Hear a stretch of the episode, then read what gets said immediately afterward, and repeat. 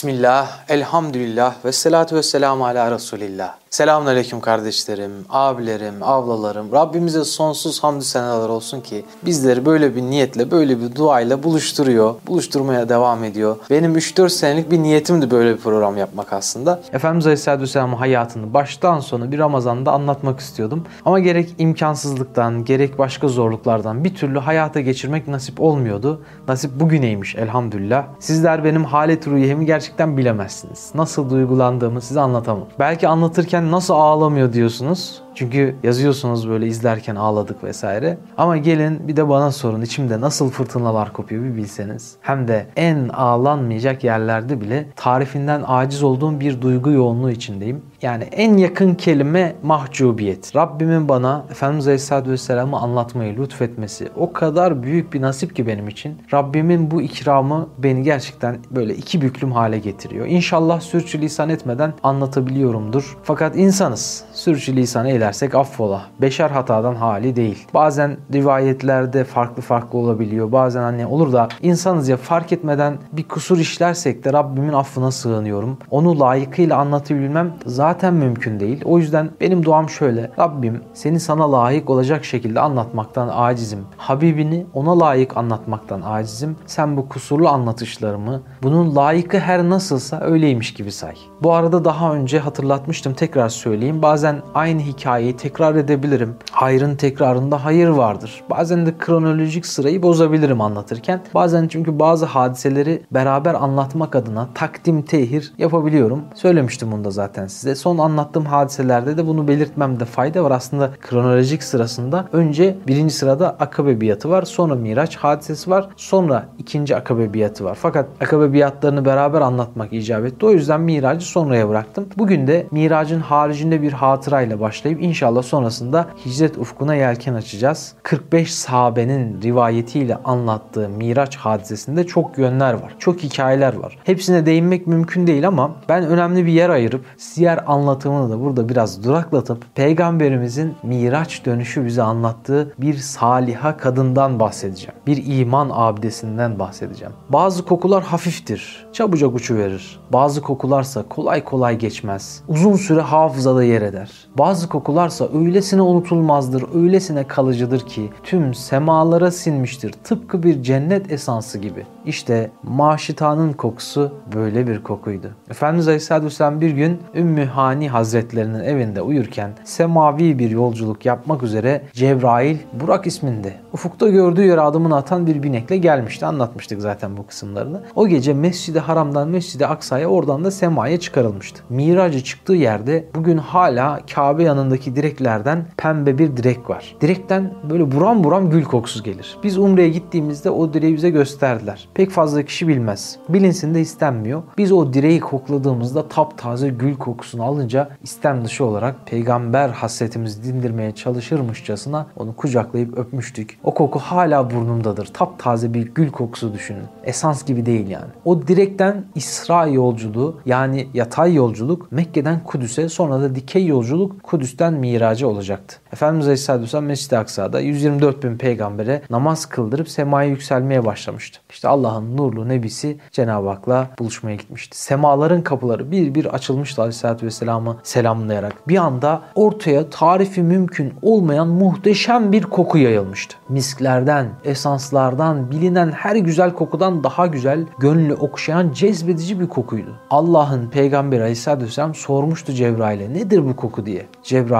bu kokunun yanık kokusu olduğunu söyledi. Nasıl bir yanık kokusudur ki böyle güzel kokuyor? Cebrail dedi ki bu maaşta ve çocuklarının ve eşinin yanık kokusudur. Kimdir maaşta? Mış taramak demektir. Maaşta aslında saç tarayan bir kuaför. Maaştan hikayesi yürek sızlatan bir zulmün bir ızdırabın hikayesidir. Zalimler hep varlar fakat maaştanın zamanında zalimlerin en şeditlerinden birisi Firavun vardı. Nice mazluma, nice farklı işkenceleri reva gören bir zalimdi Firavun. Maşta'nın kocası Firavun'un yanında bir rivayete göre onun hazinedarlığını yapıyordu. Maşta ise Firavun'un kızına dadılık yapıyor, saçını tarıyordu. Bir gün hamamda Firavun'un kızının saçını tararken tarağını yere düşürdü. Yerden alırken gayri ihtiyari Bismillah yani Allah'ın adıyla dedi. Firavun'un kızı fark etti ve sordu. Nedir o söylediğin? Allah kimdir? Maşta bir an duraksadı. Tereddüt yaşıyordu. Eğer imanını gizlerse hayatını koruyabilirdi. Fakat imanını açıklarsa belki kızın da iman etmesine sebep olabilirdi. Ucunda ölüm dahi olsa hakiki bir Müslümanın yapacağını yaptı. Yani yaşamak için değil, yaşatmak için yaşamak. Bedeli ne olursa olsun hakkın ve hakikatin dellalı olmak. Maşta dedi, o Allah Musa'nın Rabbidir. Firavun'un kızı şaşkına dönmüştü. Babamdan başka Rab mı var ki dedi. Maşta evet dedi. Benim de senin de babanın da Rabbi Allah'tır kızım. Firavun'un kızı bir anda bağırmaya başladı. Derhal bu dediklerini babama söyleyeceğim. Görürsün kimmiş Rab. Maşta başına gelecekleri biliyor ve kendini ona hazırlıyordu. Her bedeli ödemeye razıydı, hazırdı. Kendi kendine metanet telkini yaptı. Kararını vermişti. Onun cihadı buydu. Çıkacak Firavun'un karşısında, en zalim sultan karşısında hakkı onun suratına haykıracak. Sonra da işkence ve ölüme göğüs gerecekti. Nitekim Firavun onu yakalattı. Huzuruna getirtti. Kızı her şeyi anlatmıştı. Sordu, benden başka Rab mı edindin? Maşita, doğru mu duyduklarım? Zalimin istediği pişman olup ayaklarına kapanmasıydı. Bu zalimin zaferi olacaktı. Kendi batıl ve sahte ilahlık iddiasını perçinleyecek, Musa'nın inananlarından birini yolundan çevirip haşa kendine taptıracaktı. Elinde zulmünün gadar topuzunu savurarak biat beklemekteydi. Ama Maşita'nın bakışı başka ufuklardaydı. Gönlünde imanın gücüyle çağlayan bir hidayet nuru adımlarını mıh gibi çakıyor, sözlerini ise imansız kulaklara balyoz gibi çarptırıyordu. Maşita evet dedi. Beni de seni de yaratan odur. Demek öyle. Evet. Vazgeç seni affedeyim. Beni Rabbin olarak kabul et dedi Firavun. Maaşta sen aciz bir adamsın. Bu kapının arkasında ne olduğunu dahi bilmezsin. Acıktığında yeri eşeler, karnın ağrısa iki büklüm kıvranır da güç yetiremezsin. Seni de beni de her şeyde yaratan Musa'nın Rabbine iman ediyorum. Firavun öfkeyle doldu ve emretti. Madem öyle saçlarından tavana asın ve beni Rab bilene kadar tırnaklarını tek tek sökün. Saçlarından tavana astılar. Tırnaklarını tek tek söktüler. Aç ve susuz bıraktılar Maaşta'yı. Farklı işkenceleri denediler ama Maaşta yine de La ilahe illallah diyordu ve imanından dönmüyordu. Firavun iyice sinirlenmiş ve hırsa bürünmüştü. Maaştanın çoluk çocuğu olup olmadığını sordu. İki kızı var dediler. Zalime bak çocuğun bile kanını istiyordu. Biri 5 yaşında, biri birkaç aylık. Kundaklık çocuk. Getirilsin diye emretti Firavun. Zalim pençesini masumların üstüne atmak onların en hain özelliği değil miydi zaten? Kızlar getirilmişti ama çok korkuyor ağlıyorlardı. Annesini o halde gören kızı ağlıyor, anne diye bağırıyordu. Maaşta çok ağır bir imtihan veriyordu. Yüreği paramparça olmuştu. Firavun bağırdı. İmanından dön yoksa kızını öldürürüm. Maaşta vallahi dönmem. Sen zalimsin. Sana boyun eğmeyeceğim. Çek ellerini masum yavrularımdan. Yoksa Rabbim senden intikamımı alır. Kahraman anne bir yandan ağlıyor, bir yandan oradaki herkese ve binlerce yıllık arkasından gelenlere özellikle de bizlere iman dersi, şuur dersi, zalim karşısında duruş dersi veriyordu. Firavun 5 yaşındaki kızı vahşice öldürtüp kanını Maşta'nın üstüne sürdü. Vazgeç dedikçe Maşta ikrarını tazeledi. Tekbirlerini yineledi. Maşta ızdırabını yudumluyordu. Belki en ağır imtihanlardan biri ona isabet etmişti fakat o imanı kalpleri zilzal depremleriyle sarsıyor, imanın zaferini hazırlıyordu. Belki zulüm ve işkence görüyordu ama adım adım cennetin basamaklarını çıkıyordu. Nitekim Maşta'nın kocası daha fazla dayanamadı ve o da kıyama geçti. Zalimsin sen Firavun. Sen değil ilah. insanlıktan bile nasibini almamış bir canavarsın. Ben de Musa'nın Rabbine iman ediyorum. Sen batılsın. O haktır. Öldüreceksen beni de öldür. Firavun onu da yakaladı. Kazanda yağ kaynatmalarını emretti dev bir kazan kurdular. Firavun kundaktaki bebeği getirtti. Ey maaşta vazgeç yoksa bu bebeği de öldürtürüm. Hepinizi kazanda kızartırım dedi. İşaret etti bebeği annesine yaklaştırdılar. Bebek günlerdir açlıktan ağlıyordu. Annesinin kokusunu alınca emmek için aranmaya başladı. Maaşta dayanamıyordu. Hem ağlıyor hem kahrediyor hem sabrını yitiriyordu. O sırada iblis şeytan temessül edip göründü maaştaya. Sen ne biçim bir annesin? Baksana kundaktaki yavrun aç susuz sus. Sen Firavun'a yalan söyle, onu da kendini de kurtar. Ne olacak imanımdan döndüm deyiversen, kalbini göremez ya, inanı verir dedi şeytan. Maaşta meyletti, tereddüt içinde vazgeçmeye yöneliyordu. Melekler vicdanında seslenmeye başladılar bu sefer de. Sabret ya maaşta, cennet var, ahiret var ya maaşta, sabret. Fakat maaşta dayanamıyordu. Bir anneydi sonuçta. Etten kemikten bir beşerdi nihayetinde. Üstelik anneydi. Büktü boynunu, dudaklarını kıpırdattı tam pes edecekken kundaktaki bebek ile geldi. Allah maaştanın o ana kadar gösterdiği kahramanane sabır karşısında kundaktaki bebeği konuşturmuştu. Bu kundaktayken konuşma mucizesi gösteren bebeklerden bir tanesi. Bebek dile geldi. Ey anacığım sabret. Rabbin için sabret. Beni düşünme. Allah bizim yardımcımızdır. Firavun baş edemeyeceğini anladı. Derhal tüm aileyi kızgın yağda diri diri yaktı. İşte o yanığın kokusu semayı kaplayan bir misk kokusuna dönüştü. Her asrın maaştaları var. Her asrın firavunları var. Yeryüzünü dolaşın, mezarlara gidin. Nice firavunlarla dolu o toprağın altı. Ve mezarları ateş yuvası, yılan akrep yuvası, azap yuvası. Nice maaştalar da var. Toprağın altında kabri cennet bahçelerinden bir bahçe. Ahiret için dünyayı feda edenlerin akıbetlerine kavuşmuşlar. Misk kokuları topraklarından yükseliyor. İşte mektubatta 9. mektupta karşımıza çıkıyor bu hadise. En bahtiyar insan dünyayı askeri bir misafirhane bilir bilir, fani olduğunu bilir. Kısa bir ömürde kısa bir ömür sermayesiyle yapacağımız ameller ebediyetimizi belirleyecek olduğunu bilir. Ona göre adımını atar. Ölümünü unutan, hiç ölmeyecek gibi kendini dünyaya gömenler ise bedbahtırlar. Ölmeden mezara girenler aslında bunlardır. Ne acayiptir ki kazandıklarını sanarlar. Dünyanın fani olduğunu bilmeyen adamın misali,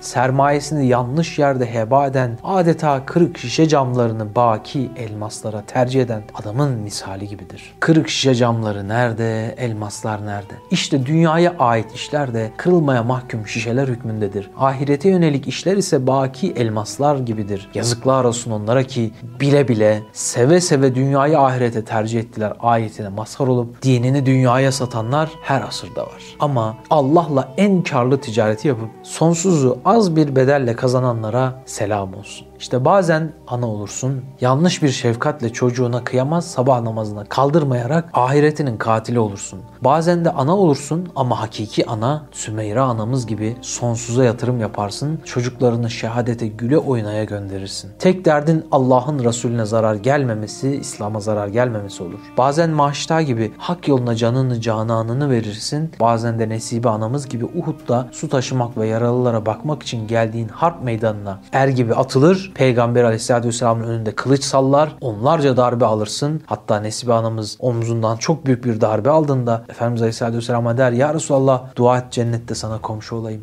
Efendimiz de ona dua eder. Cennette komşu olmayı biz de istiyoruz değil mi? Hangimiz istemeyiz ki? Ama kolay mı? Elbette biraz bedel ödemek, bir duruş sergilemek, bir mücadeleyi kazanmak gerekir. İşte maaşta bize bir kamet ortaya koyuyor. Binlerce yılın perdesini yırtıp gelen, haykıran bir sesle dersini veriyor. Ey Müslümanlar! Allah mukabilinde ebedi cenneti vermek üzere sizden az bir bedel istiyor. Söyleyin siz İslam adına ortaya ne koydunuz? İslam için ne yaptınız? Allah'ın rızasını kazanmak iddianızda karşılığında ne ödeyeceksiniz? Yoksa siz de cennet dava edip cenneti dünyada arayan, rahatını İslam için terk edemeyen, Müslüman kardeşiyle dertlenemeyen, Müslüman kardeşinin gıybetini yapan, ilim meclisinden yüz çeviren, nefsine hoş gelen haram kazançtan kaçınmayan, hatta cennet cennet deyip de dinin direği olan namazını dahi kılmayan tarafta mısınız? Allah muhafaza eylesin hepimizi. Maşitanın bu yürek yakan hikayesini hatırlamazsak olmazdı. O bu yürüdüğümüz aşk yolunun önemli aşıklarından. Bize bu yolun nasıl bir yürek yangını olduğunu da hatırlatıyor. Benim çok etkilendiğim bir hikaye olduğu için sizlerle paylaşmak istedim. Şimdi Siyer'deki yolculuğumuza kaldığımız yerden devam edelim. Efendimiz Aleyhisselatü Vesselam Miraç'tan döndükten sonra bambaşka bir haleti ruhiyedeydi. Artık yakinin en üst mertebesi hakkel yakin derecesinde ahiret menzillerini bizzat görmüş ve ümmetini sakındırırken gördüklerinin tesirini ifade etmişti. Miraç'tan sonra yaşanan ikinci ikinci akabe biatından müşriklerin haberdar olmalarıyla Mekke'de artık tahammülü mümkün olmayan bir rüzgar esmeye başlamıştı. İşkence ve baskılar doruk noktasındaydı. Müminler ilahi emri bekliyorlardı. Musab bin Ümeyr Yesrib'i Medine'ye çevirme yolunda muazzam mesafeleri Allah'ın yardımıyla kat etmişti. Sonra manen şunu demişti adeta. İşte Medine'nin anahtarı, Medine'nin kilitleri açıldı. Buyurunuz ya Resulallah. Medine hasretle sizi bekliyor, hicretinizi bekliyor.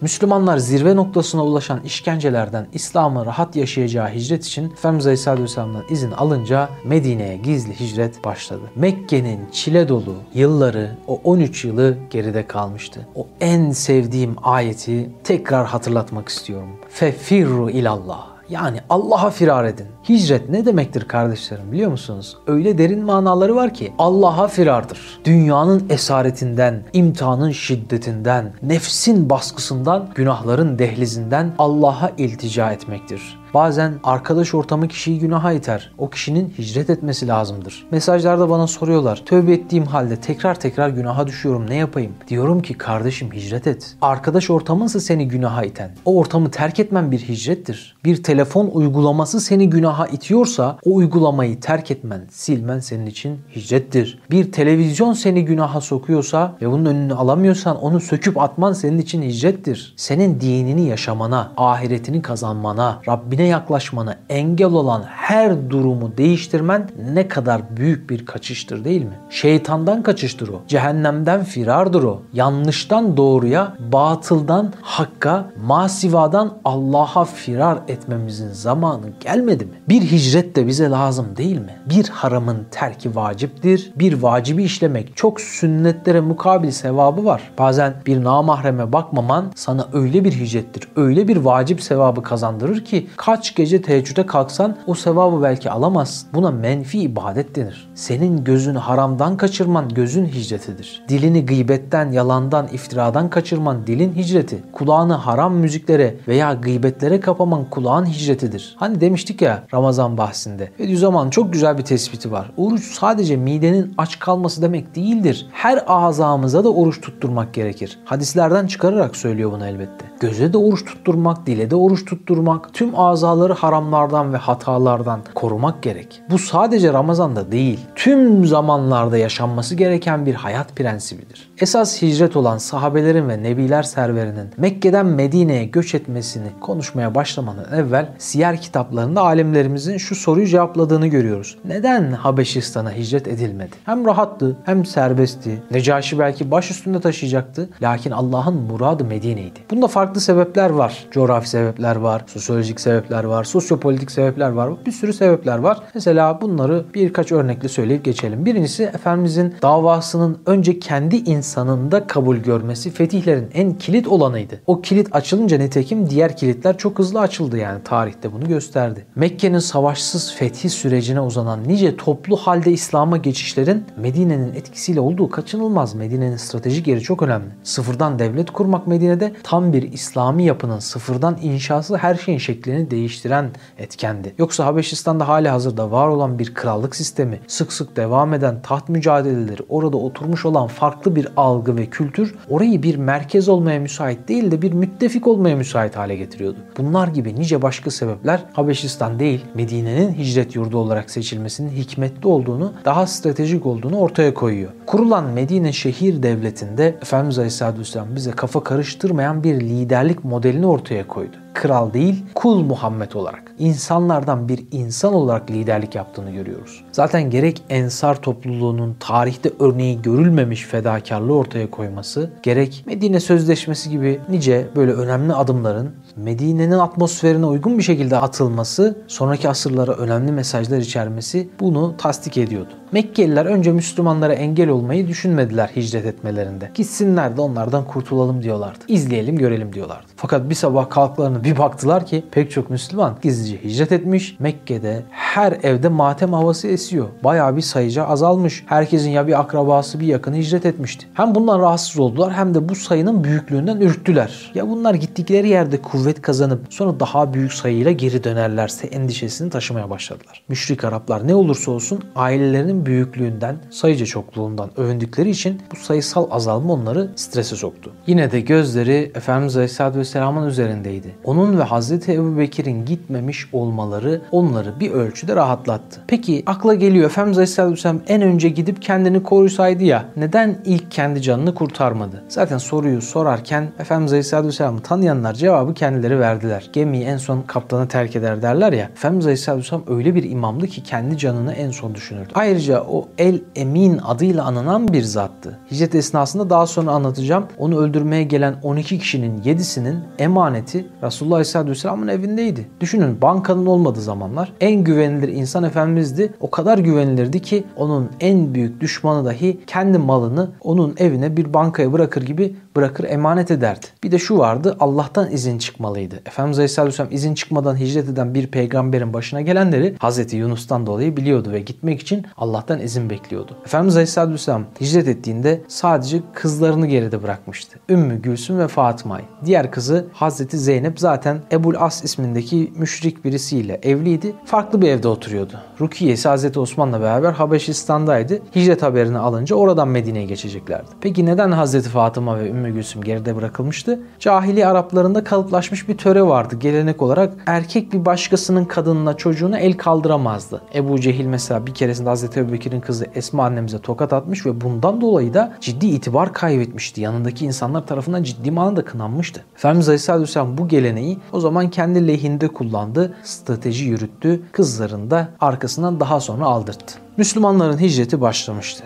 Önce hicretin sahabe nezdindeki yönlerine bakalım. Mesela hicretin Ömercesi nasıldı? Herkes hicrette gizlice Medine'ye giderken o açıktan hicret etti. Çıktı Kabe'nin yanında insanlara seslendi. İki rekat namaz okuduktan sonra başladı bağırmaya. Ben Medine'ye hicret ediyorum. Hanımını dul, çocuğunu yetim bırakmak isteyen çıksın karşıma dedi. Kimse cesaret edemedi. Bir rivayete göre 30 zayıfı da yanına alıp hicret etti, Medine'ye gitti. Böyle bir devdi o. Bir diğer dev Hazreti Ali. Onun hicretini peygamberimizinkini anlattıktan sonra anlatmayı planlıyorum. Yürümekten ayakları nasıl parçalandı göreceğiz. Bir başka sahabe Ayyaş bin Ebi Rebiya Hazreti Ömer ile gidenlerden birisiydi. Onun da yakın arkadaşıydı. Ebu Cehil'in anne bir kardeşi olduğu için Ebu Cehil peşine düştü arkasından ve yolda onları yakaladı. Annesinin oğlu dönene kadar saçına tarak sürmeyeceğini, güneş altında oturacağı gibi ahlar ve yeminler ettiğini söyleyerek annem perişan oldu. Geri gel diye onu kandırdı. Onu geri çevirmeye çalıştı. Anne katilim olmak istiyorsun deyince Ayyaş bundan etkilendi. Çok zayıftı bu konuda. Annesine karşı şefkati çoktu. Ama Hazreti Ömer onun bunlara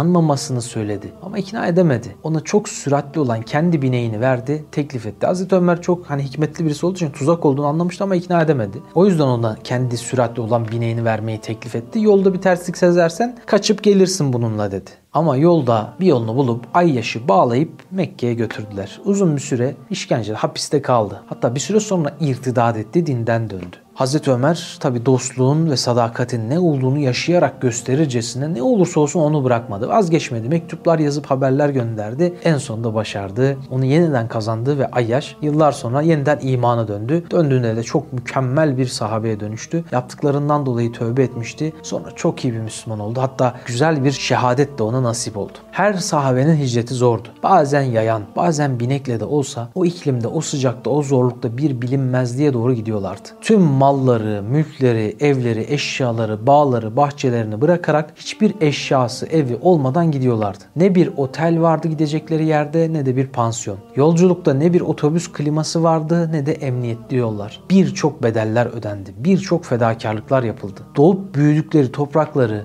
birikimlerini, itibarlarını üstelik neyle karşılaşacaklarını bilmeden bırakıp gittiler. Mesela Suheyb'in hicreti manidardır. Süheyb'den biraz bahsedeyim. Çok seviyorum onu. Sabukunel evvelun denilen öncü sahabelerdendir. Rumların ilkidir İslam'daki. Ninovalıdır. Hz. Yunus'un ve Taif dönüşü Müslüman olan Addas'ın hemşehrisi yani. Kızıl saçlı, kızıl sakallı olduğu için Suheyb denmiştir ona. Gerçek adı da unutulmuştur zamanla. Çocuk yaşta esir düşmüş Ninova'dan Malatya'ya satılmıştı. Sonra da Hılful Fudül hareketi kendi evinde başlayan Abdullah bin Cudan onu görmüş, satın almış ve daha sonra ondaki cevheri zekayı fark edince kölelikten azat edip ticaretini ortak etmişti. Suheyb genç yaşında kısa zamanda ciddi bir servet kazandı ticaretiyle. Akıllı bir tüccardı. Her türlü sermayesini en karlı şekilde nerede harcayacağını çok iyi biliyordu. Sadece altın ve gümüş müydü ticaret yapılacak sermaye? Hayır. Suheyb bunu çok iyi biliyordu. Hem servetiyle hem hayatıyla benzersiz bir ticaret yapma yolunda en önemli adımı kainatın güneşi Efendimiz Aleyhisselam'ın yanına giderek atmıştı. Uyarmışlardı Suheyb'i. Muhammed'in yanına gitme, onu dinleme, Müslüman olma. Yoksa sana işkence ederler, seni öldürürler. Seni koruyacak bir aşiretin, bir kabilen, bir akraban da yok. Dinlemedi. İşti kelime-i şehadetin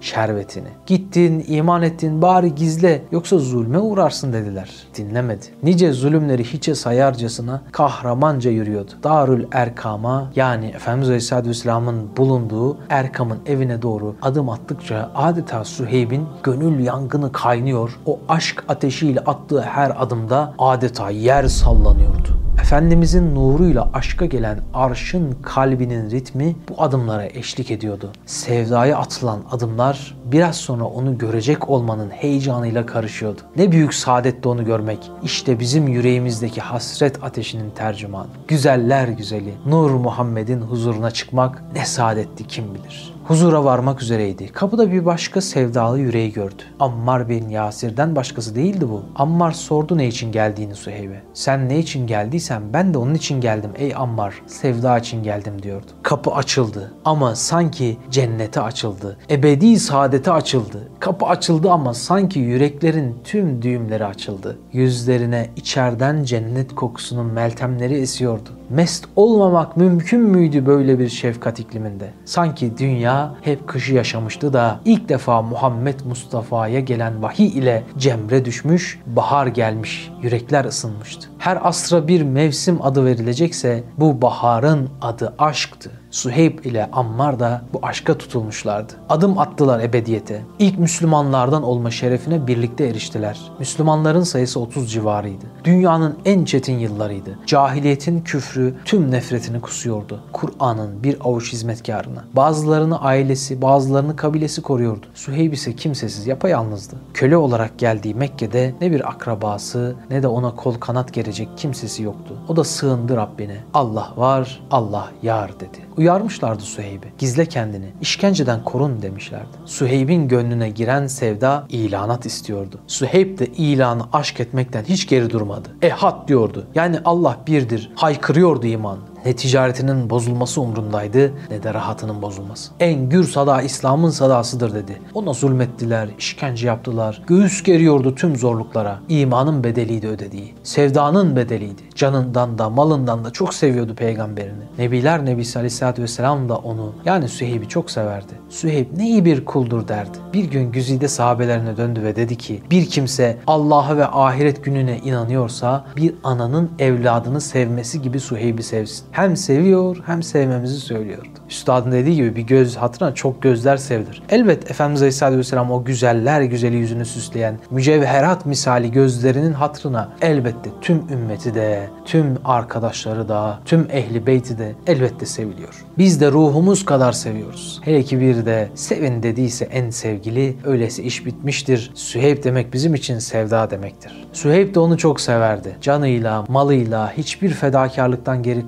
kalmayacak şekilde sevdi. Eğer şair sevgi ispat ister diye itiraz ediyorsa Süheyb'in şiir gibi hayatı sevginin en kuvvetli ispatı gibiydi. Bu sevgi yolunda her türlü çileyi çekmişti. Ateşli işkencelerin hepsini ashab-ı Uhdud zulümlerinin her türlüsünü yaşamıştı. Din vazgeçmekti. İmanı yaşamak ve imanı koşmak fedakarlık demekti. Evet Süheyb her fedakarlığı yapmıştı. Mesela tüm servetini bir çırpıda İslam için feda etmişti. Hikayesi ise çok ilginçtir. Zira öyle bir duruş ortaya koymuş ki hakkında ayet gelmiştir. Aslında hicret yolculuğunda Efendimiz Aleyhisselatü Vesselam ile Hazreti Ebu Bekir'e eşlik edecek ve hicretin üçüncüsü olacaktı. Fakat maalesef planlanan olmamış, evi kuşatma altına alınınca hicret yolculuğuna çıkamamıştı Efendimiz Aleyhisselatü Vesselam'la birlikte. O da bir taktik uygulamaya karar verdi. Sürekli avludaki tuvalete girip çıkıyordu. O kadar çok gidiyordu ki müşrikler Süheyb bu halde hicret edemez. Baksanıza Lat onun karnına musibet vermiş deyip daldılar. Süheyb atladı atına yola çıktı. Gittiğini fark eden müşrikler arkasına düştüler ve Mekke Medine arasında onu yakaladılar. Süheyb okunu yayına koydu ve bağırdı. Ey Allah'ın düşmanları! Aranızda benim kadar iyi ok atan olmadığını bilirsiniz. Oklarım bitene kadar, kılıcım kırılana kadar sizinle dövüşürüm. Zararlı çıkarsınız. Beni yolumdan alıkoyamazsınız. Gerisin geriye dönün. Müşrikler itiraz ettiler. Ey Süheyb sen aramıza geldiğinde beş kuruş olmayan bir köleydin. Sonra servet elde edip şimdi onunla kaçmana izin veremeyiz. Süheyb baktı ki bunların derdi para. Öyle mi? Tüm servetimi size verirsem peşimi bırakır mısınız? Müşrikler evet dedi. Süheyb tüm servetini onlara verdi. Servetinin yerini söyledi. Güle oynaya Efendimiz Aleyhisselatü Vesselam'ın yanına Kuba'ya vardı. O kadar neşeliydi ki servetini kaybetmiş biri gibi değildi. Çok büyük bir servet kazanmış gibi mutluydu. Efendimiz Aleyhisselatü Vesselam'a ulaşınca Efendimiz onun hakkında ayet indiği müjdesini verdi. Düşünsenize. Onun hakkında ayet inmişti. Üç kez tekrar etti. Alışverişin çok karlı oldu ya Eba Yahya dedi. Ayet aynen şöyleydi. İnsanlardan bir kısmı da Allah'ın rızasını isteyerek nefsini Allah'a ibadet yolunda sarf eder. Allah ise kullarına çok merhametlidir. Düşünün yaptığı ticarete semadan tebrik dolu vahiy geliyordu. Sevdanın bedelini ödemiş ve o bedel kabul edilmişti. Tüm servetini, tüm malını Allah yolunda gözünü kırpmadan, kalbi titremeden feda etmişti. Buna mukabil Allah da o ticaretten razı olduğunu bildirmişti. Faniyi verdi, bakiyi aldı Suheyb. Bundan daha karlı ticaret, Suheyb'den daha akıllı tüccar var mı? Öylesin her şeyini vermişti ki yolda yiyecek bulamayıp hastalanmıştı. Hastalıktan tek gözü şişip kapanmıştı. Ama her şeyini Allah'a satan tüccar öylesine neşeliydi ki Efendimiz Aleyhisselatü Vesselam'ın yanına vardığında Nebiler Nebisiyle şakalaşmıştı. Yüreği ısınıyor insanın. Bugün bile tebessümle doluyoruz o şakayı duyunca. Süheyb çok acıkmıştı yol boyunca. Kuba'da Efendimizin misafir kaldığı evin sahibi Gülsüm İbni Hidim bir tepsi hurma getirdi. Herkes ayaktayken Süheyb bir anda oturup hurmayı yemeye başladı. Hazreti Ömer Efendimiz'e şikayet etti durumu. İşaret ederek dedi ki ya Resulallah Süheyb hem hastayım diyor hem gözüm ağrıyor diyor hem de hurma gelince her şeyi unutuyor hastalığından eser kalmıyor hurmaları iştahla yiyor. Efendimiz de sordu ya Süheyb hem gözüm ağrıyor diyorsun hem de hurmaları yiyorsun. Süheyb'in cevabı çok samimi. Ya Resulallah diyor ben hurmaları ağrımayan gözümle yiyorum.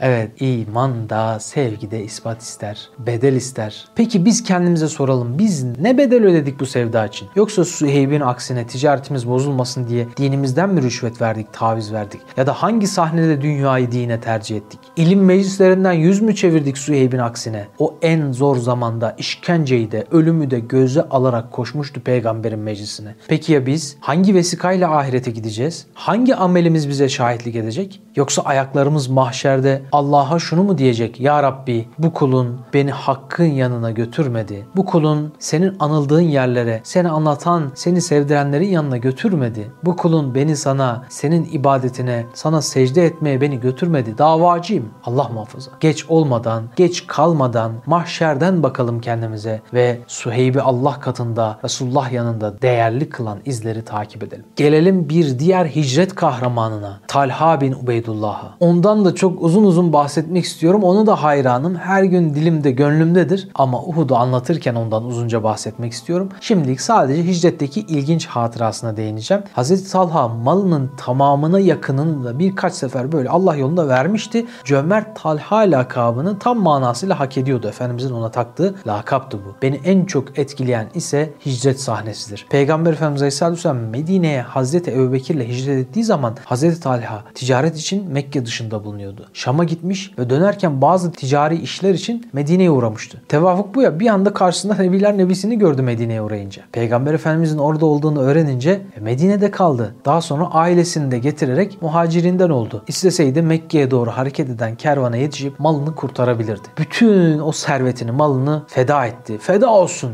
ben esas serveti buldum dedi. Peygamber aşkı gözünü öyle bürümüştü ki tüm mal varlığı müşrikler tarafından gasp edilecekti ama o umursamıyordu. Sahabe böyle peyderpey olarak Yesrib'e gitti. Hepsinin gidiş hikayesi de zorluydu. Kendi ailelerinden engellemeler görenler oldu. Ebu Seleme'nin ailesi darmadağın oldu mesela. Ümmü Seleme'yi kendi anne babası engelledi. Ebu Seleme oğlu Ömer'i yanına alıp götürdü. Ebu Seleme'nin babası Ümmü Seleme'nin çocuğunu elinden aldı. Ümmü Seleme ise kendi babasının evinde kaldı. Yani bu şekilde aile üçe bölündü. Ümmü Seleme radıyallahu an bir yıl boyunca ağladı. Bir yıl boyunca üzüldü. Her gün Mekke'nin o Yesrib'e bakan bir tepesi var. Onun üstüne çıkıp ağladı. Bir süre sonra insanlar ona acımaya başladılar. Sonra daha fazla dayanamayıp insan ya bunlar. Çocuğuna kavuşmasını sağladılar ve hicretiyle ailesi tekrar birleşmiş oldu. Hicret zorlukları içinde bana en zoru Hazreti Ali'ninki sonra da Hazreti Zeynep'inki geliyor. Efendimizin kızı Zeynep radıyallahu anh'ın hicreti çok sonra ve çok zor oldu. Aziz babası Resul-i Ekrem aleyhissalatü vesselam ve üç kardeşi Rukiye, Ümmü Gülsüm ve Fatıma Medine'ye hicret ederken o şirk kampında kendisine diş bileyen bir ortamda müşrik bir kocanın evinde kalmaya mahkum olarak gidemedi. Mekke'de kalan müstezafinden yani ezilenlerden, çaresizlerden oldu. Ama yıkılmadı. Kocasına sadakatini ve ailesine fedakarlığını sürdürdü. Hicretin ikinci yılında yapılan Bedir Savaşı'na kocası müşrikler tarafında katılmış ve esir düşmüştü. Eşini seven ve kurtarmak isteyen Hazreti Zeynep gözü yaşlı ne yapacağını düşünüyordu. Kocasını kurtarmak için İslam devletine esir fidyesi olarak elinde avucunda ne varsa gönderdi. Yetmeyince annesinin evlenme sırasında taktığı taktığı kolyeyi bile ortaya koyup Bedir'e gönderdi. Esirlerden birinin fidye çıkınını gelip açılınca Hazreti Peygamber'in gözü içindeki kolyeye takıldı. Daha dikkatli bakınca bu Hatice'nin kolyesidir dedi. Gözlerinden yaşlar boşanmaya başladı. Onun da kalbinin kaç parça olduğunu hayal etmeye çalışalım.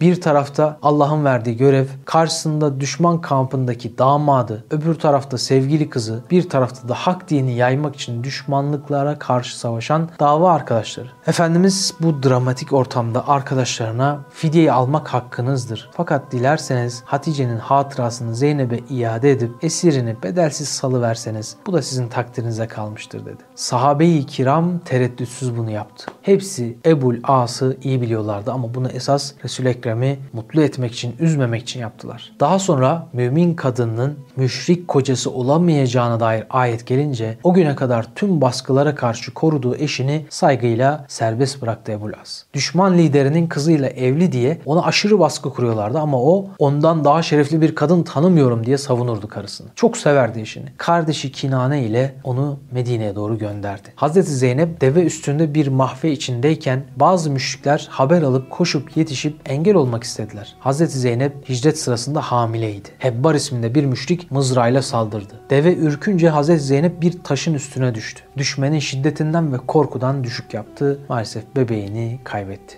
Hibban bin Arika isimli müşrik bu olayın baş müsebbibiydi. Kinane yiğitçe yengesini savundu. Fakat onu kan revan bir halde Medine'ye göndermek olmazdı. Ebu Süfyan'a getirdi akrabalık bağlarıyla. Biraz onun evinde dinlendirildikten sonra gizlice tekrar Medine'ye yolculuk başladı. Gül yüzlü Nebi'ye kavuşması bir film sahnesi gibiydi. Efendimiz Aleyhisselatü Vesselam onun o bitkin ve perişan halde olduğunu görünce çok üzüldü. Zeynep kızlarımın en hayırlısıdır. Benden ötürü bir hayli musibetlere maruz kalmıştır dedi sözünü tuttuğu için damadını takdir etti. Nitekim damadı da karakterli biriydi. Müşrik olması dışında İslam'a çok müsaitti. Kızını da esaslı bir sevgiyle seviyordu. Bir süre sonra Hazreti Zeynep duydu ki eski kocası Ebul As ticaret kervanıyla Medine'den geçerken yakalanmış mallarına el konulmuş. Normalde de cezası ölümdü. Hazreti Zeynep hemen halk içinde seslendi. Ona kefalet ettiğini bildirdi. Resulullah dedi ey kızım ona kefalet edebilirsin fakat dikkat et o geldiğinde ona dokunma o sana helal değildir. Sahabe-i kiram onun canını bağışladı. Ebul As mallarının da bağışlanmasını, affedilmesini, bunların da kendisine emanet olduğunu söyledi. Kendi için istemediğini söyledi. Onu İslam'a çağırdılar, reddetti. Sonra merhamet örneği gösterip mallarıyla beraber gitmesine izin verdiler. Mekke'ye götürdü mallarını, sahiplerine teslim etti. Sonra kendi iradesiyle Medine'ye geri dönüp şehadet getirerek Müslüman oldu. Neden önce reddettiğini sonradan Müslüman olduğunu sordular. Ben Medine'de Müslümanlığımı ilan etseydim onlar canımı kurtarmak için İslam'a girdiğimi zannedeceklerdi. Mekke'deki mal sahipleri de kendilerinin mallarını korumadığımı, emanete hıyanet ettiğimi iddia edeceklerdi. Onun içindir ki bu kararımı şimdi bildiriyorum dedi. Bu şekilde Medine'ye hicret etti. Hudeybiye anlaşmasından 6 ay kadar önce oldu bu hadise yani. Hazreti Peygamber kızı Zeynep ile yeni bir nikaha gerek görmeksizin eski nikahları ile hanımını Ebul As'a teslim etti. Böylece birbirini seven iki yürek tekrar birleşmiş oldu. İşte sevginin gücü. Rabbim bizlere de böyle vefalı sevenler ihsan eylesin. Evet dostlar burada noktalayalım. Efendimiz Aleyhisselatü Vesselam'ın hicretini yarına bırakalım. Sizler de Ramazan'ı daha verimli geçirebilmek adına WhatsApp hatlarımızdan sorularınıza cevap alabilirsiniz. Bazı hedef listeleri hazırladık. Evinizde kendinizde bunları deneyebilirsiniz. Biz kardeşlerimiz Çınar